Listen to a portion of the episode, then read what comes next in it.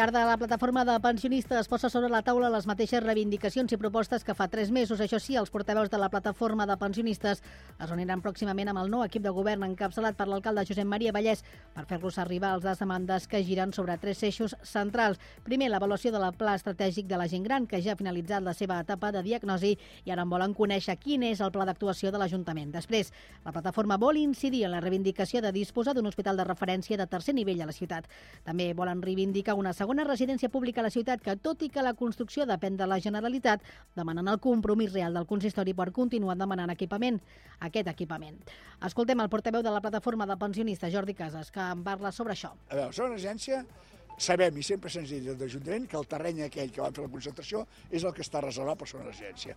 El dia que el Consell Executiu de la Generalitat opti per fer residències públiques, que per avui avui no és la seva política. A més, els pensionistes han anunciat que el proper 1 d'octubre, que és diumenge en el marc de l'inici de la Setmana de la Gent Gran i coincidint amb el cinquè aniversari de la plataforma, celebraran una festa commemorativa a la plaça d'Octavià. És dilluns 18 de setembre de 2023. També és notícia a Sant Cugat que els robatoris amb força a l'interior de vehicles han repuntat a la ciutat durant el primer semestre de 2023, després de dos anys en què aquest tipus de delicte va disminuir un 22%. En els primers sis mesos d'enguany s'han produït 96 robatoris amb força a l'interior de vehicles, el que representa un 53% més que en el mateix període de 2022, segons expliquen els Mossos d'Esquadra Cugat Mèdia. Els robatoris a Sant Cugat es produeixen sobretot en aparcaments de centres comercials i el modus operandi dir, dels lladres acostuma a ser sempre el mateix, forçar el pany o rebentar un vidre que per por per poder accedir a l'interior del vehicle. Ferrocarrils de la Generalitat de Catalunya reforçarà el servei a les línies urbanes aquesta setmana durant les nits de divendres 22, dissabte 23 i diumenge 24 de setembre a motiu de les festes de la Mercè de Barcelona.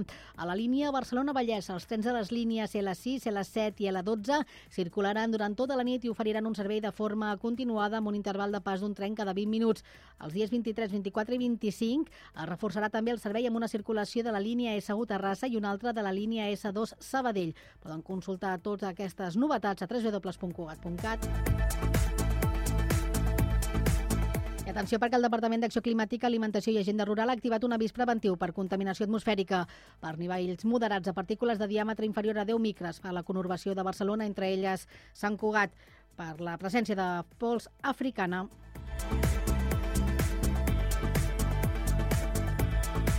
Cugat Mèdia, la informació de referència a Sant Cugat.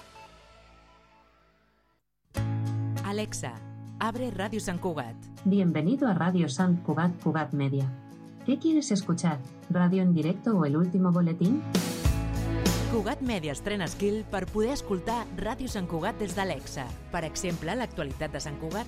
Alexa, pide a Radio San Cugat el último boletín. Escuchando el último boletín de Radio San Cugat. Cugat.cat Notícies. I també la ràdio en directe. Alexa, pide a Radio San Cugat la ràdio en directo. Escuchando en directo Radio San Cugat. L'artista local defineix la situació com a dura perquè... Ràdio Sant Cugat Cugat Mèdia, 91.5 FM, www.cugat.cat i ara també a través d'Alexa. La ràdio que necessites, ara més a prop teu.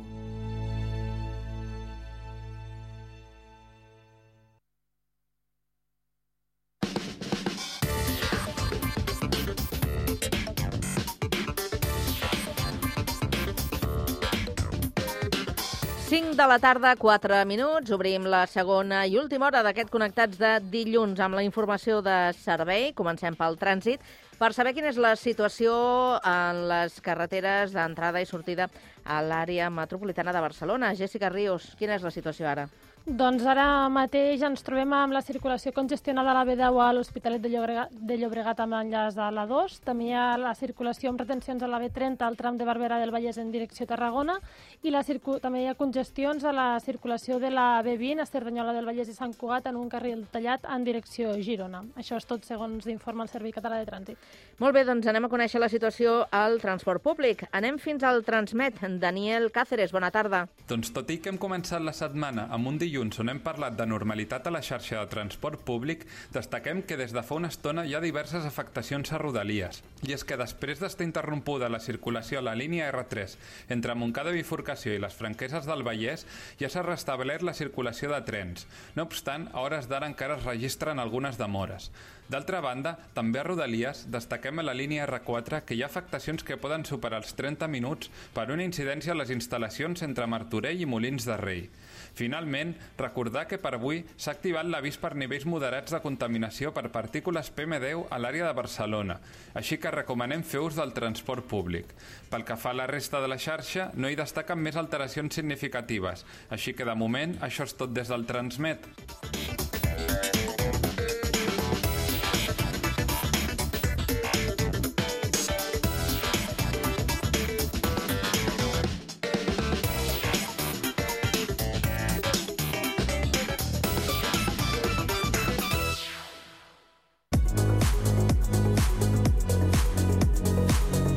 Tarda, de 4 a 6, Connectats. Una experiència radiofònica a Sabadell, Terrassa, Sant Cugat, Castellà, El Prat i Badalona.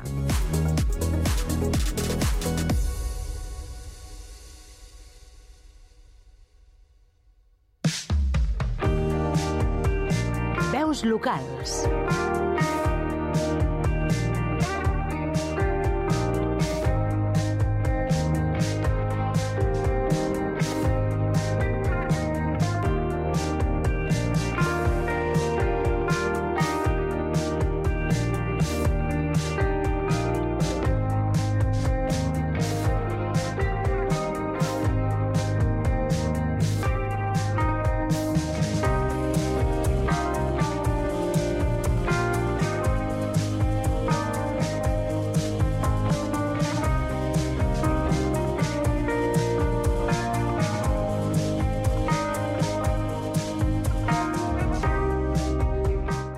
Estudiar Administració i Finances perquè els números i ajuda a la gent li atreien molt. Després de passar per altres empreses, ara té la seva i, a més, també té una part important d'un celler. Avui passa pel Connectats la terrassenca Aranxa Ferrando.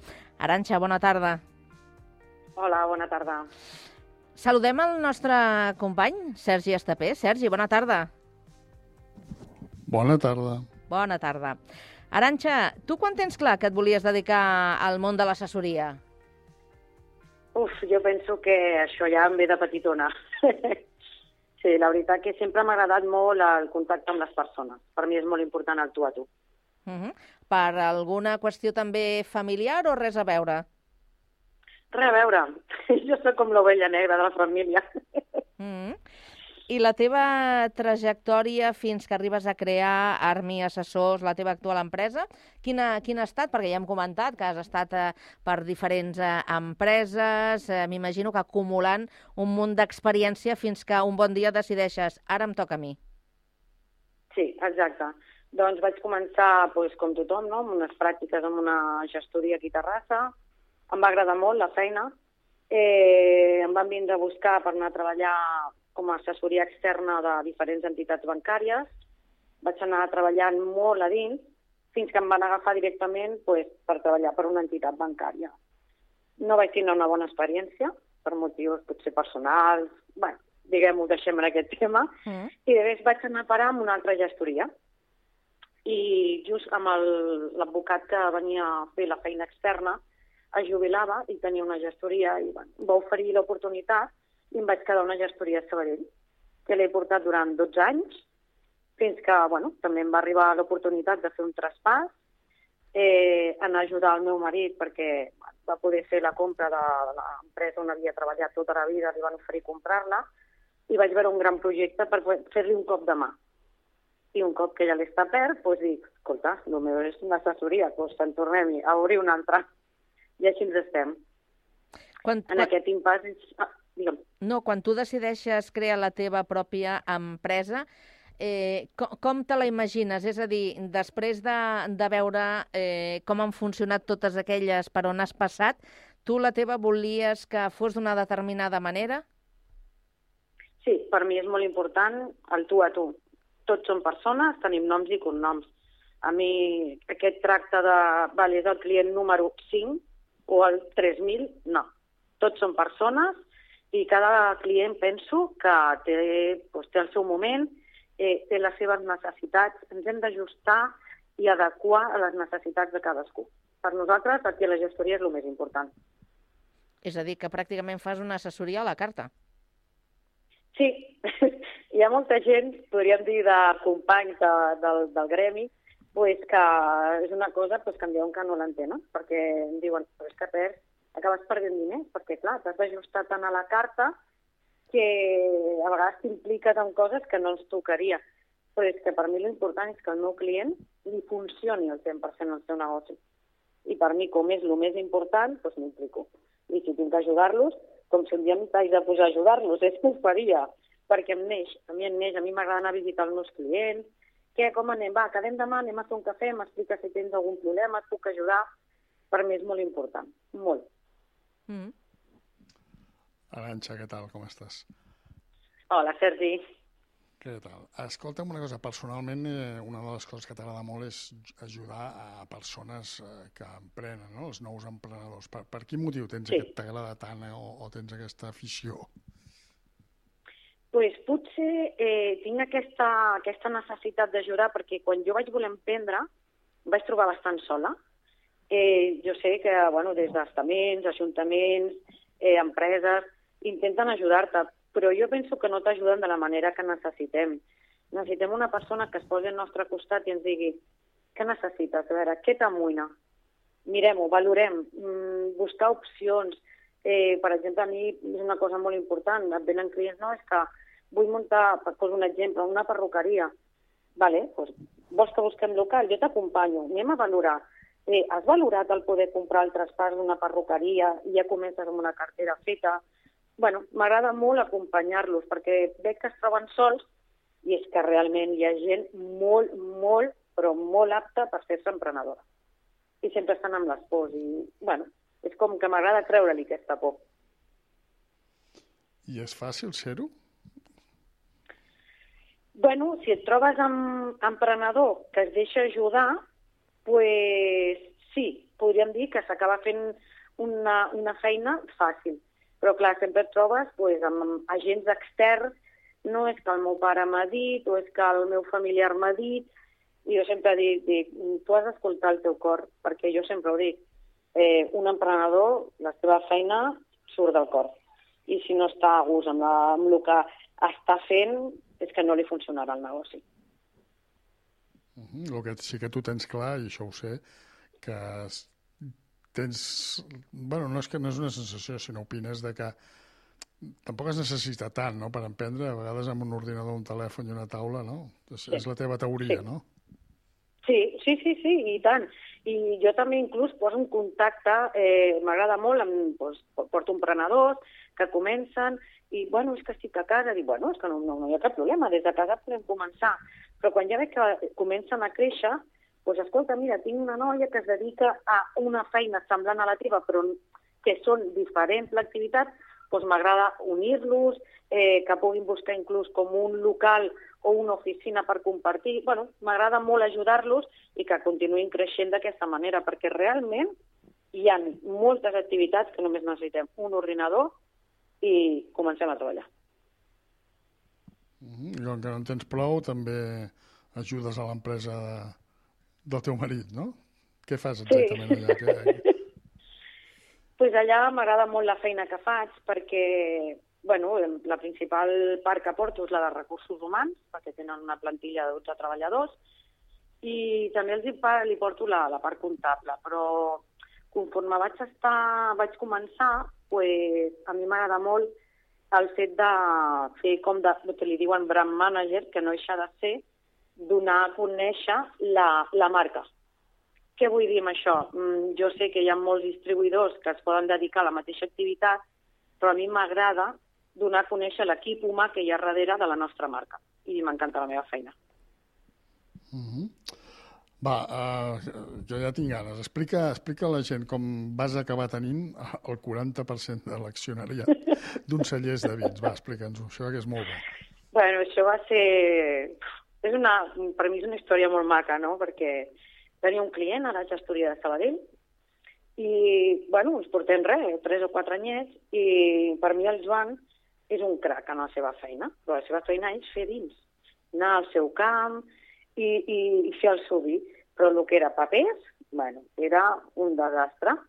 I ho anava deixant, ho anava deixant, i jo sempre reia, va Joan, no deixis això, va Joan, tira per aquí, va Joan, fem això.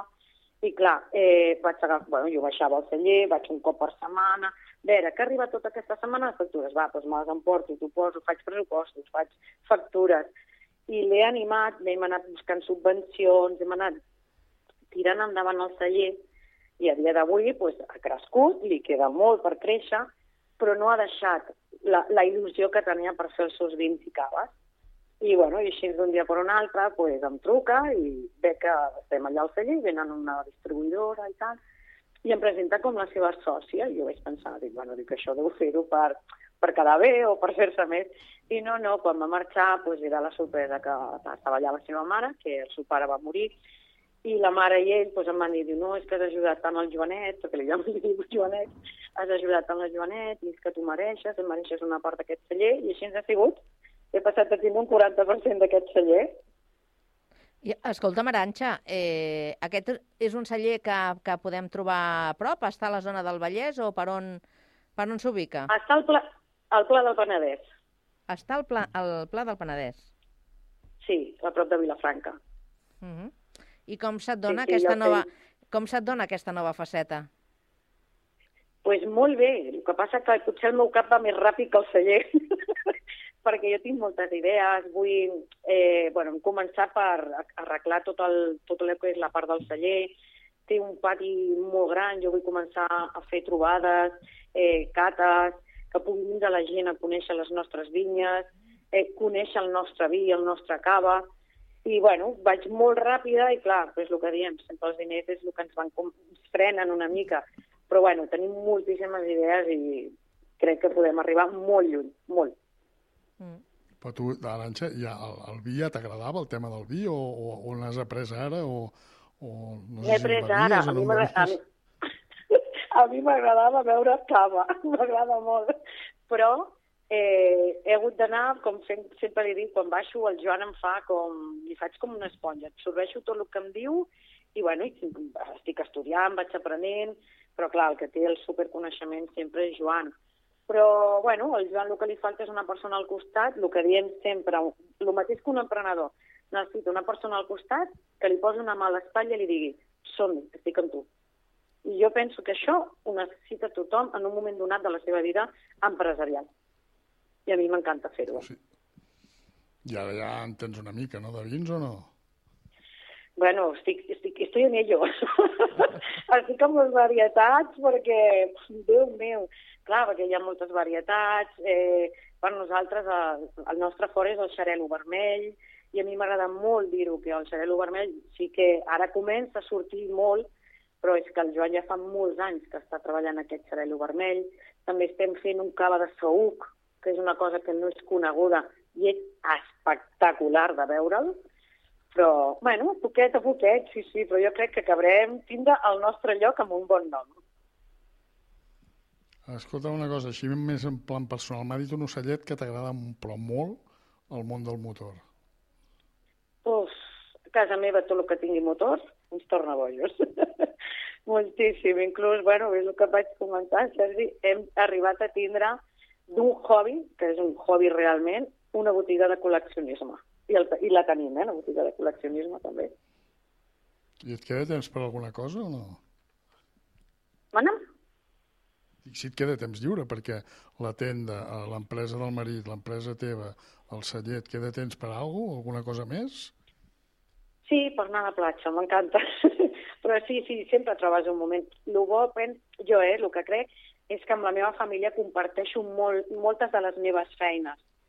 I llavors sempre tenim un contacte, perquè, clar, el tema del motor, anem a fires i, i anem tots, clar, el meu fill, el meu marit i el meu germà, perquè som els que tenim el negoci de, del col·leccionisme.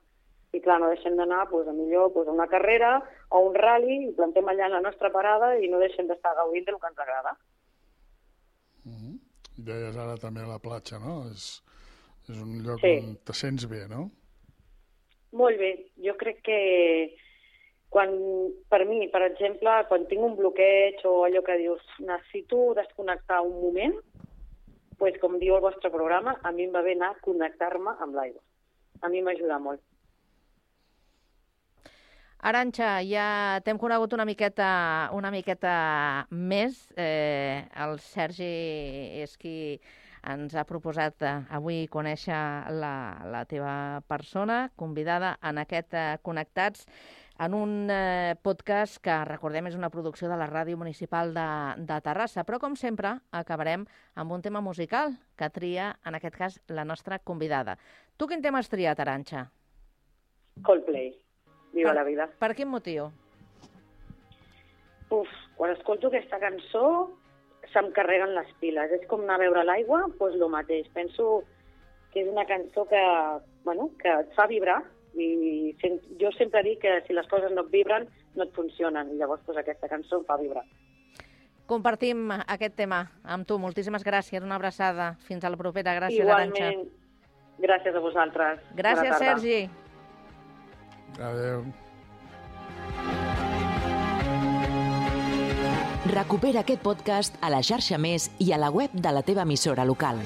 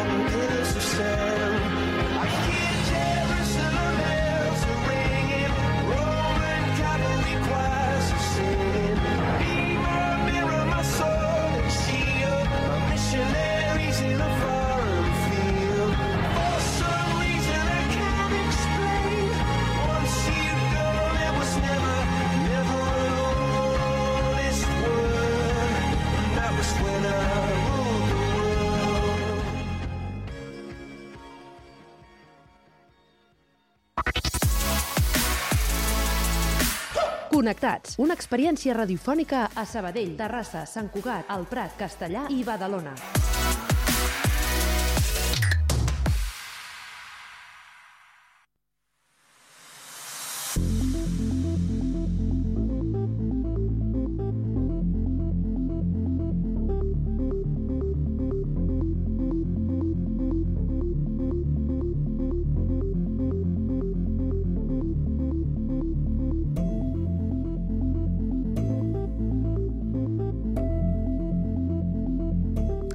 El sexe, les malalties prèvies o el nivell d'estudi són factors de risc per patir i recuperar-se de la Covid persistent.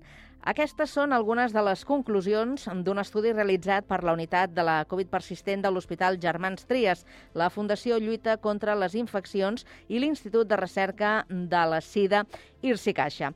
En parlem amb la Cora Loste, investigadora clínica del Servei de Malalties Infeccioses de l'Hospital Germans Trias i de la Fundació Lluita contra les Infeccions. Molt bona tarda, Cora. Bona tarda. Què tal? Molt bé.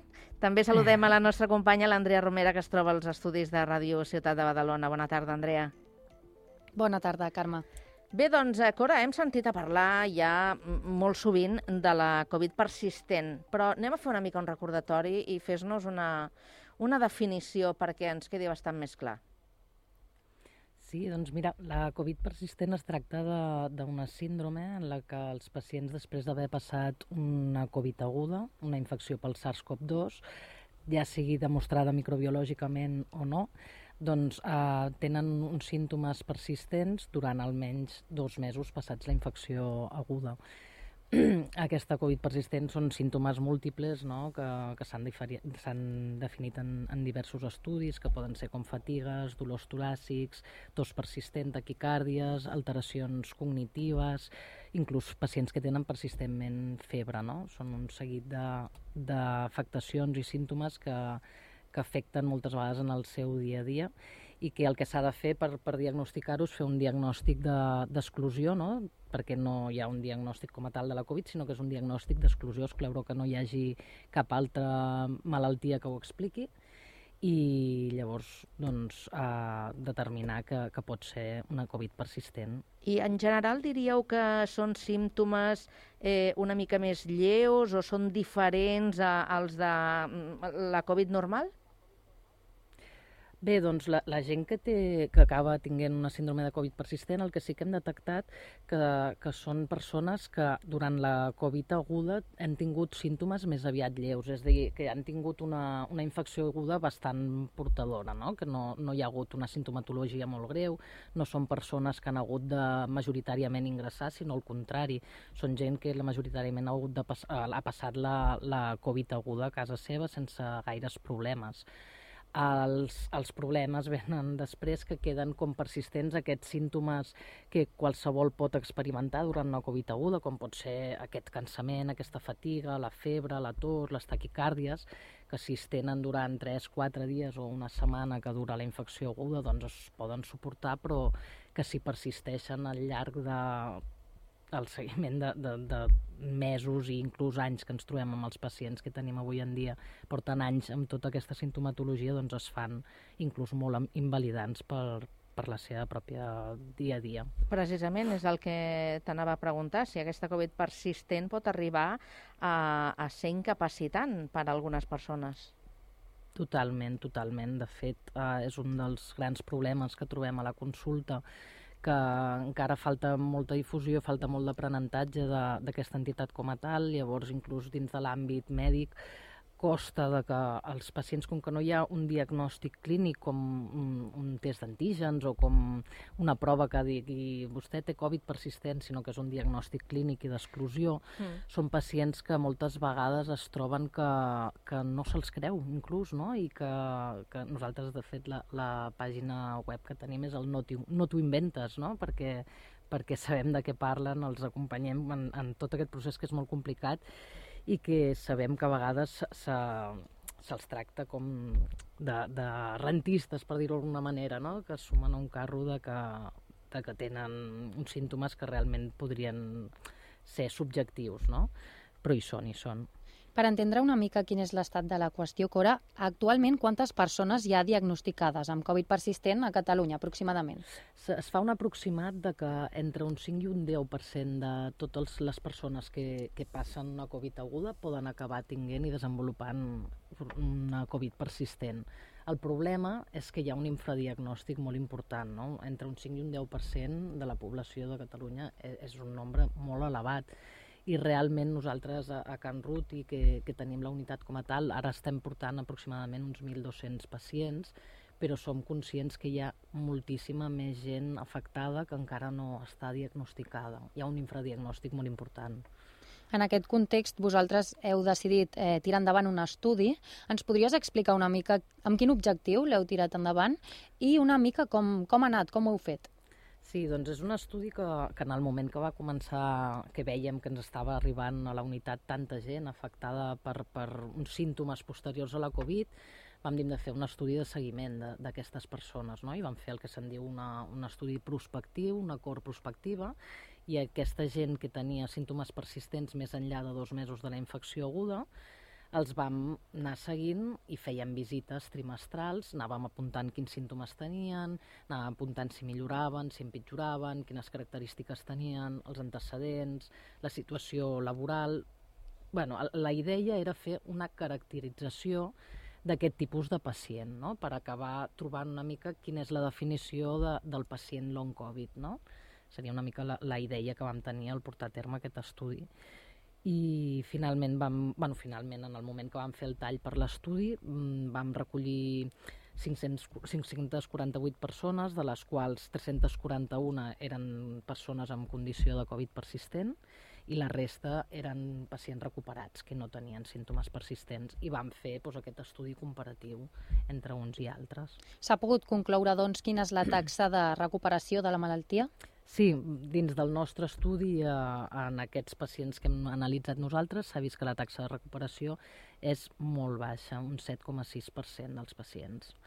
És realment molt baixa. Una altra de les conclusions a les quals heu arribat és que el sexe hi té molt a veure a l'hora de desenvolupar i recuperar-se de la Covid persistent. Les dones són més propenses, oi? Sí, exacte. Tant les dones... Podríem dir que les conclusions que hem estret és que les dones són més propenses a poder a desenvolupar una Covid persistent, però a més a més, en el moment que tenim uns pacients, tant homes com dones, hem analitzat també que els homes són més propensos a poder-se'n recuperar. És a dir, ser dona fa que tinguis més risc de desenvolupar-se i, a més, fa que tinguis menys probabilitats de curar-se. Hi ha algun perfil concret de dona? Per exemple, dones en edat fèrtil o dones amb alguna condició física concreta? Sí, bé, la, la mitjana d'edat que tenim a la nostra cor a dia d'avui, un tall que vam fer la setmana passada dels nostres pacients, que tenim uns 650 pacients a la cor, eh, és de 50 anys. És una dona d'edat mitjana, eh, moltes vegades, bueno, pràcticament totes en edat laboral activa, no? I, i que veuen que tota aquesta sintomatologia els limita pel seu dia a dia i que estan en una situació molt precària laboralment perquè no poden portar a terme eh, els, el seu dia a dia i la seva feina moltes vegades. Això també es comenta a l'estudi, al nivell d'estudis, no? La situació laboral, has parlat de precarietat, mm -hmm. en què afecta? I afecta també en homes o només en dones?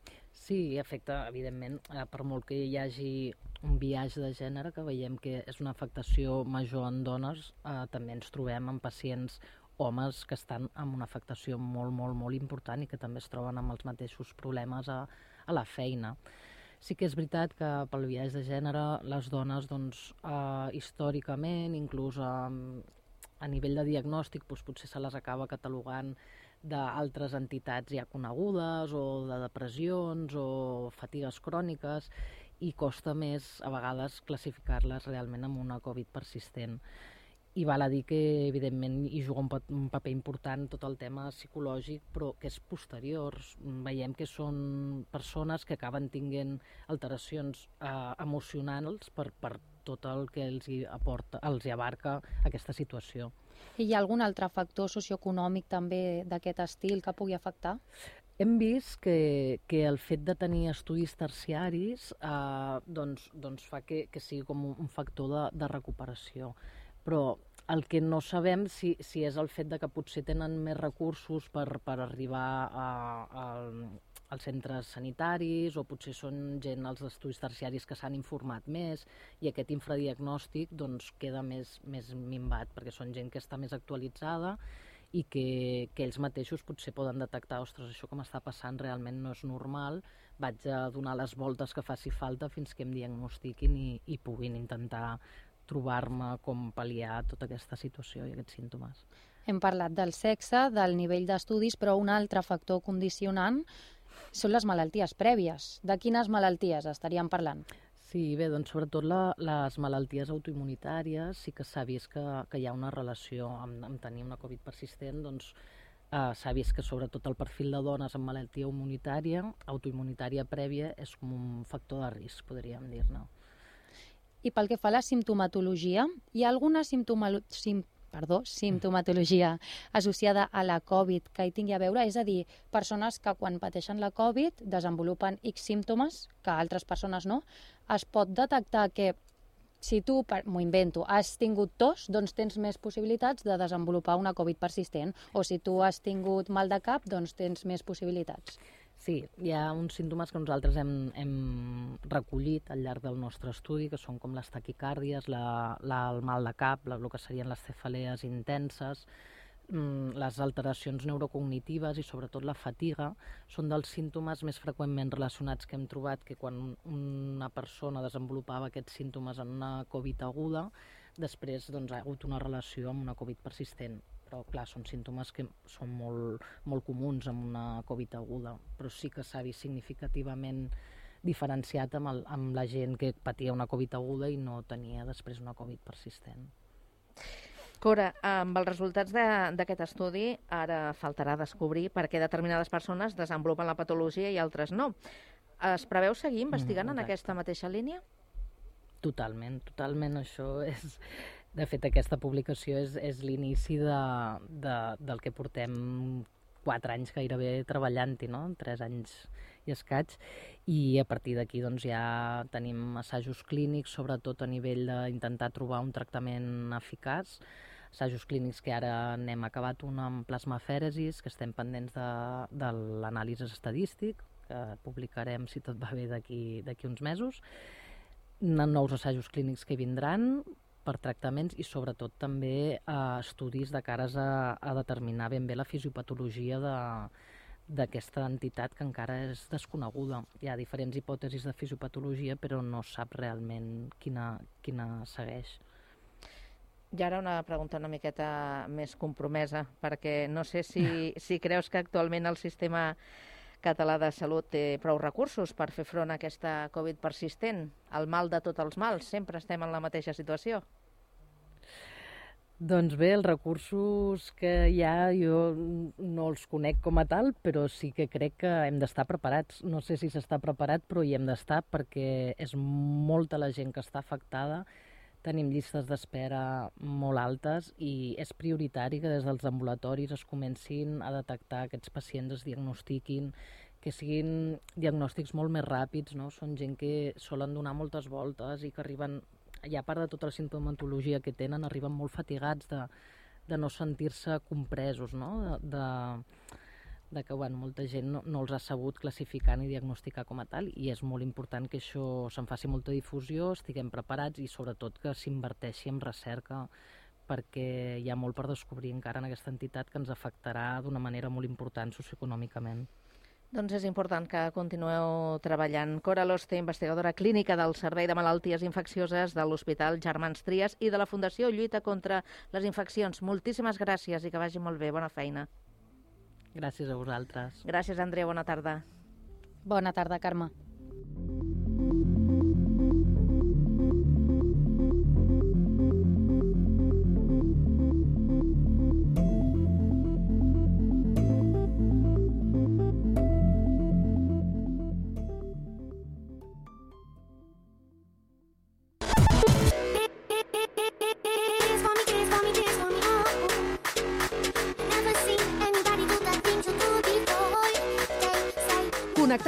Una experiència radiofònica a Sabadell, Terrassa, Sant Cugat, El Prat, Castellà i Badalona.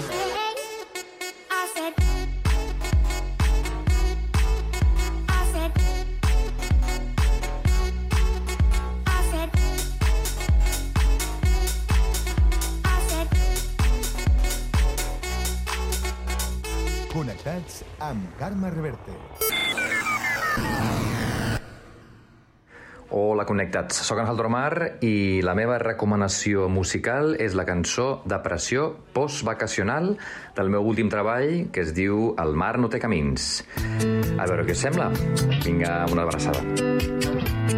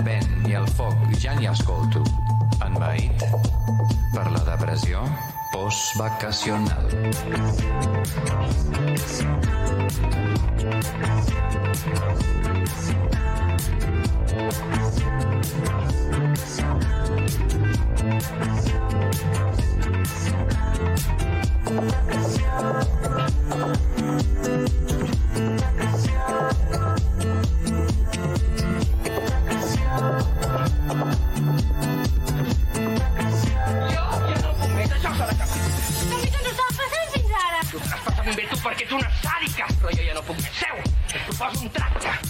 I de què tracte? què tracte? Marina, Marina, Marina, Marina, espera, espera un moment. Marina, espera un moment.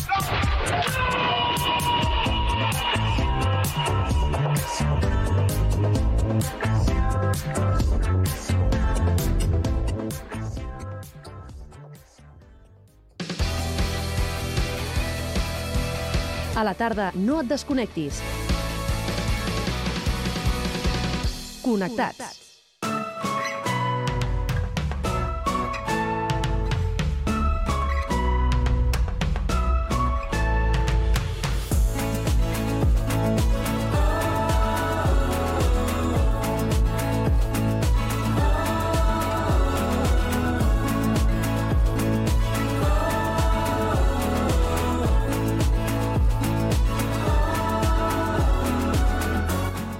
A principis del mes de juliol es va morir el músic sabadellenc Josep Maria Llongueres, conegut eh, com a Llongue.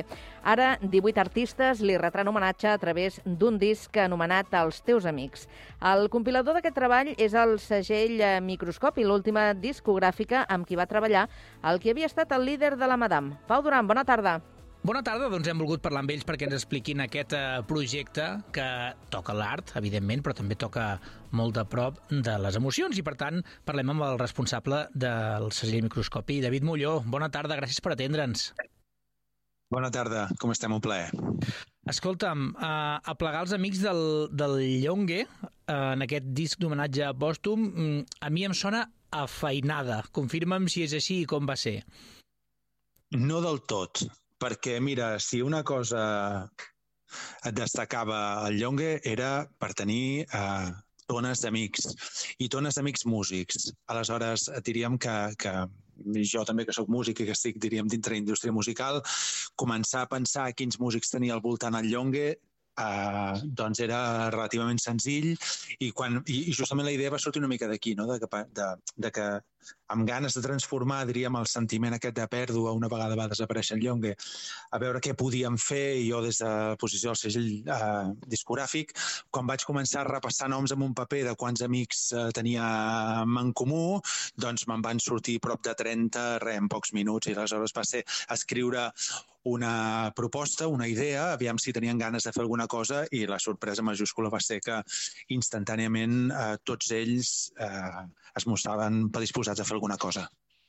Clar, un, una marxa d'aquesta sempre et deixa així amb aquella sensació de, de, de buidor, no? de, que hi ha un llegat i això en, ens permet de recordar-lo, però de sobte hi ha, hi ha aquesta trobar a faltar de dir, ostres, eh, vull fer alguna cosa, no?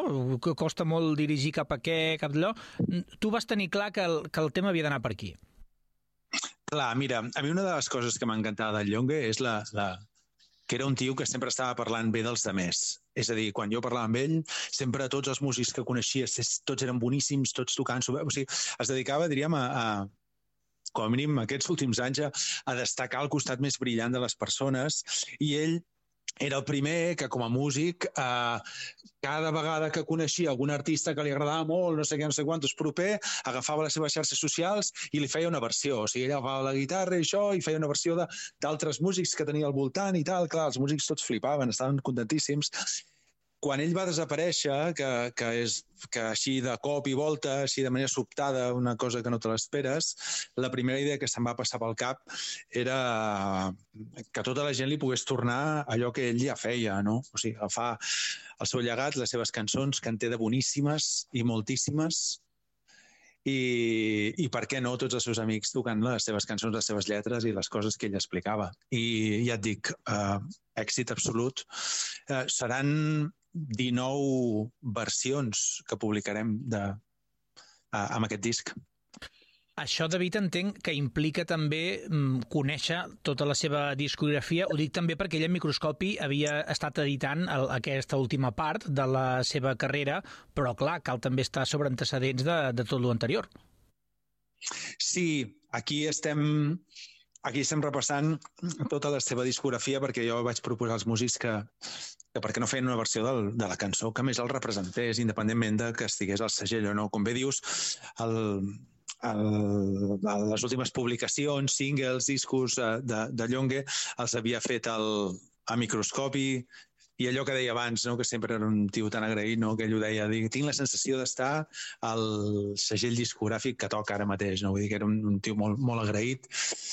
I, I bé, tothom s'ha acostat a cançons diferents i clar, al final ens han sortit 19 versions amb noms molt potents, noms il·lustres, no? Vull dir que aquí tenim en Joan Masdeu, tenim el Litus, el Marc Grasses, tenim els Tancat per Defunció, tenim el Pol Cruells, Xavi Vidal, Miquel Pujador... Vull dir que, que al final és que només acostant-se, diríem, als seus amics íntims, tenim un disco de primera divisió.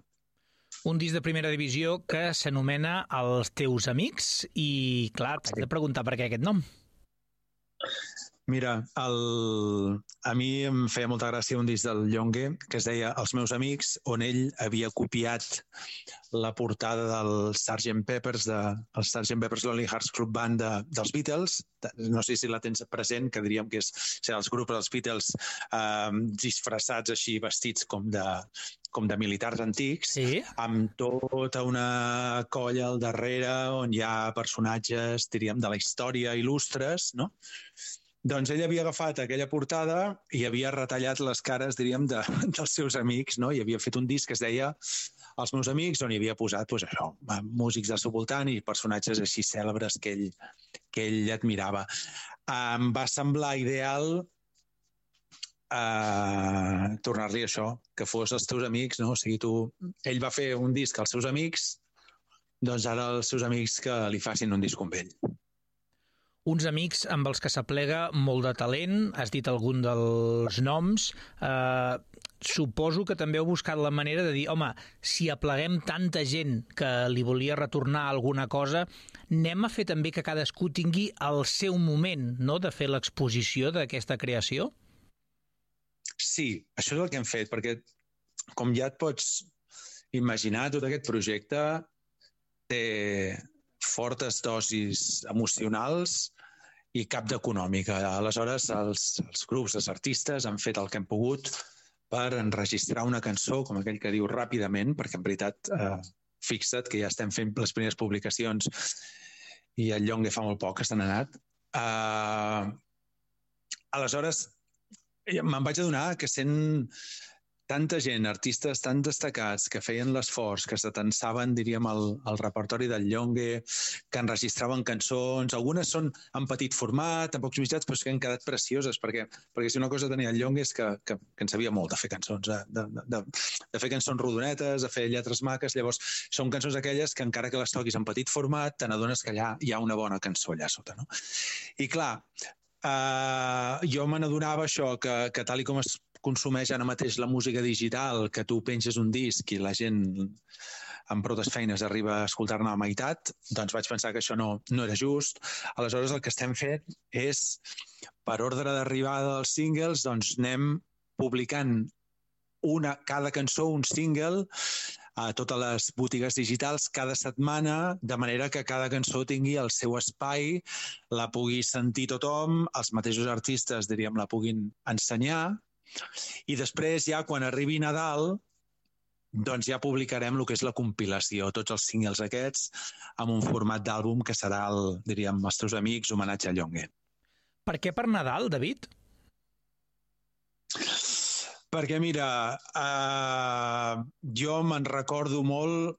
Uh, jo, mira, vaig fer de figurant l'any 1992, quan ell va presentar a Sabadell el Balades i Batllades, i allà va presentar una cançó que al final va ser una de les seves mítiques, que és el Recorda'm que és Nadal, i vaig veure així que per setmanes per això més o menys coincidia i vaig pensar que, que mira, seria una manera de, també d'en recordar-nos d'ell, no? Que, que ell deia, i si mai la seva la lletra de la cançó deia i si mai me n'oblido, recorda'm que és Nadal, doncs mira, agafarem el disc homenatge i el traurem per Nadal. Un Recorda'm que és Nadal, que en aquesta ocasió eh, està versionat per la Rico. Mira, vaig a fer una cosa, és que estic flipant tant de, David amb, amb la llista. Us vaig a fer el llistat sencer, com aquell qui canta una alineació, eh, que és Albert Freixas, Miquel Pujador amb Xavier Batllés, Grau, Xavi Vidal i Berni Mora, Ricard Álvarez, Pol Cruells, Aleix Creus, Joan Masdeu, Montse Llaràs i Miquel Prats, Jaume Papell i Enric Romà, és a dir, els tancat per defunció, Litos i Pau Millo, Nando Caballero, Set de Mal, Oest i Casas, Nuno Garcia, Noa, Marta Vall de Lleu i Carme Calvo. Uau! Sí, sí, sí. Sí, sí. I de pas fem també un, un nexe d'unió, no? Molts són de Sabadell, eh, molts es coneixen entre ells, però probablement mai havien compartit un disc. Doncs mira, ara també una mica unificarem l'escena. El, aquí, el, per si no us acaba de sonar algun nom, eh, hi ha hagut un treball també especial, David, d'alguns dels que eren eh, membres del, del seu mateix grup, també, de la Madame. Sí, sí. Hi ha un parell de, hi ha un parell de, de cançons. De, de... Un d'ells és, és en Crusoe, eh, que és el nom artístic de l'Aleix Creus, que era com, com diríem l'altre líder de, de la Madame. Ell el que ha fet és enregistrar una cançó amb una lletra que s'inspira en això, amb, amb el Llongue. I, per una altra banda, està Ricard Álvarez, que la història d'aquesta cançó, que és una cançó que es diu Vilma, encara és més curiosa perquè és una cançó original de la Madame, o sigui, una cançó que havien fet ell i el Llongue fa moltíssims anys, però que mai la van enregistrar. I havia quedat allà com una cançó, diríem, que no s'havia enregistrat mai. Aleshores, ell, quan es va assabentar que estaven fent això, doncs va aprofitar per dir nosaltres tenim una cançó de la Madame que no ha estat mai publicada. I al final han fet una versió eh, molt tendra, molt senzilla, molt, és, és eh, quasi, quasi un fragment, però bé, doncs jo trobo que és com un petit tresor aquí enmig, no?, de, de, de que no, no- bueno, que, que, em sembla, que em sembla bonic. Vaja, que, que és una cançó que la va fer el mateix Llongue. Aquesta Vilma i de l'Aleix Creus ens deies la de Un dia com avui. En la nota de premsa de Microscopi explicàveu també que, de fet, aquest homenatge és només el primer d'un seguit d'actes que l'entorn del Llongue vol preparar de cara als mesos vinents. Sí, uh, parlant amb la seva dona i parlant amb, amb amics seus, uh, i jo quan vaig enviar la proposta també a tots els músics, van començar a sortir moltes idees de cop, no? O sigui, de fet, de fet vull dir, la gent s'ha estimat en el Llongue que, que jo he pensat en això del, del disco i tots els músics m'han seguit. Però hi ha molta gent que té moltes ganes de fer coses, està preparant probablement un concert de cara a l'any que ve, etc. i Uh, no m'agradaria avançar més coses perquè no hi estic participant i en primera fila, diríem, amb tot això, però sí que em consta, diríem que nosaltres ara comencem per aquest disc a Nadal, però que l'any que ve passaran coses al voltant del Llongue per, i així jo crec que entre tots doncs, anirem transformant aquest sentiment tan estrany que és la, la pèrdua d'un amic, no? amb, amb, amb honorar-lo no? I, i, i fer coses al seu voltant. M'agrada aquest titular, passaran coses. Escolta'm una cosa, David, el, a vegades eh, amb les noves maneres de produir i tal, la gent diu molt això que bé, els segells estan de retirada i tal, però clar, en moments així, ostres, te n'adones que quan toca publicar, distribuir, comunicar inclús, no?, el, les iniciatives que sorgeixen, coi, sort del segell, no? És que diríem que el que s'ha enfonsat és la, la venda de discos no? i l'economia que generava tot això Uh, perquè diríem que en un món digital el que està tornat tot molt més precari. Ara bé, la feina, diríem, que fa un segell ni de bon tros està di- diríem, diríem, diríem uh, aixafada pel canvi, de, pel canvi digital, ni molt menys. O sigui, els segells segueixen fent eh, una feina superimportant perquè la música gravada pugui seguir funcionant.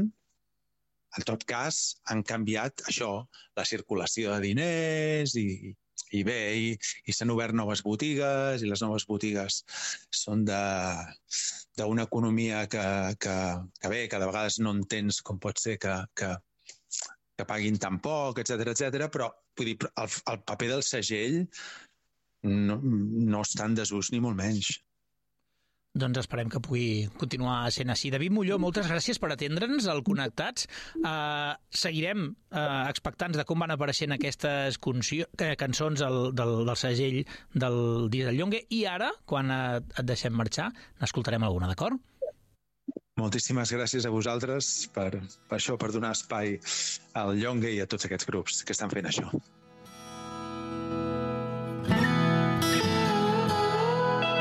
quan el vent encara no ha esborrat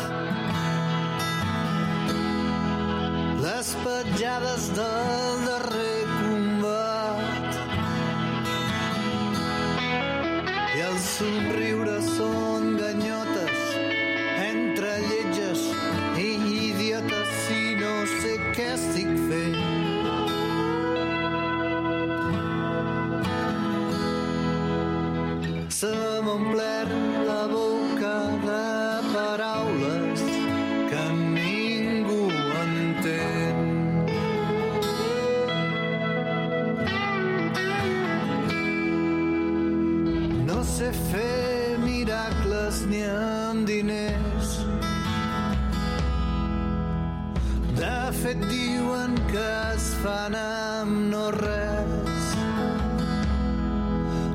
La paciència dels que s'han rendit fa oblidar els projectes i fa oblidar els amics.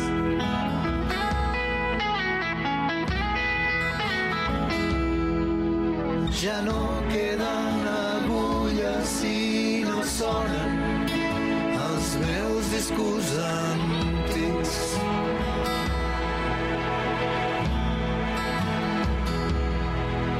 Ja no corren llegendes, ja no corren els trens de mitjanit. Bé, doncs, amb aquesta bona notícia que avui ens arribava des de Sabadell amb aquest eh, homenatge merescut, posem punt final a aquesta edició de dilluns del Connectat. Si us ha agradat, demà més, edició de dimarts, a les 4 i 4 minuts. Fins aleshores, acaba de passar molt bona tarda.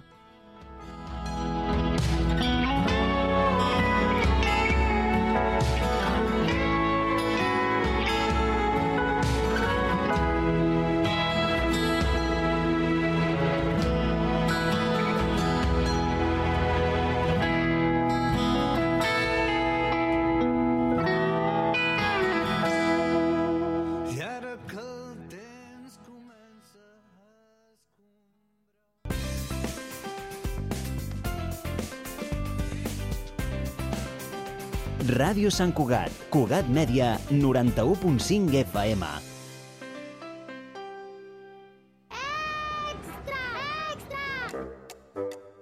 L'Illa obre els diumenges de 12 del migdia a 8 del vespre. És el pla perfecte. Shopping, activitats per la família, gastronomia, premis amb les compres i una hora d'aparcament gratis. Gaudeix de diumenges diferents i divertits a l'Illa Diagonal. Em dic Laura Musull i sóc Data Scientist a Banc Sabadell. El que més m'agrada de treballar al banc és aprendre del meu dia a dia i de les persones de l'equip, expertes, creatives i no conformistes, a més de les oportunitats de créixer i desenvolupar-hi una carrera professional. Si ja tens experiència i busques un canvi laboral o estàs començant la teva carrera professional, no ho dubtis, afegeix-te a un projecte en què podràs créixer, aprendre i sentir-t'hi a gust. Més informació sobre les nostres oportunitats professionals a sabadellcareers.com. Nosaltres. Nosaltres som feliços. Nosaltres som així. Nosaltres, un programa de ràdio mensual amb el grup Catalònia Fundació Creativa, que treballa amb persones amb discapacitat intel·lectual o trastorn de conducta. Avui som La Maria José, el Miguel, l'Edu, la Núria, l'Irra, el David, l'Antonio, l'Artur, l'Emma, l'Àngel i el Guillem, jo mateix. Jo vaig començar amb el teatre d'aficionats. I vaig començar a fer molts càstings, molts càstings, i vaig començar a dedicar-me a la moda. Jo volia ser tenista i, i vaig aconseguir ser tenista professional. Jo em vaig donar compte que m'agradava molt la natació sincronitzada perquè m'agradava molt l'aigua. Vaig començar bastant tard a, a fer música i vam crear la banda d'Arnau Giso. Nosaltres, cada mes a Ràdio Sant Cugat, Cugat Mèdia. Nosaltres. Hem sortit al carrer per preguntar als nostres escoltants què els hi semblava la llanterna màgica i això és el que ens han dit. Pues la cosa es así. Verá. Es impresionante. Me encanta, me encanta. Mola. Me gusta cómo suena. ¡Qué bonito! Si us agrada el cine i les bandes sonores, vosaltres també podeu formar part dels escoltants de la llanterna màgica. Tots els dijous, a les 10 del vespre, La llanterna màgica a Ràdio Sant Cugat. A Ràdio Sant Cugat sona la música que mai no podràs oblidar. Torna-la a tocar, Sam. Un viatge nostàlgic a través de la música d'aquells temps. En Sam t'espera cada diumenge a les 6 de la tarda al 91.5 de la FM. Torna-la a tocar, Sam. El programa de música nostàlgica presentat per Jordi Piqué.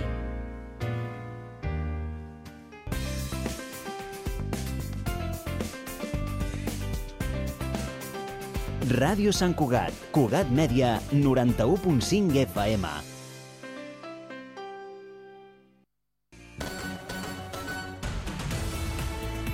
Ràdio Sant Cugat, Cugat Mèdia.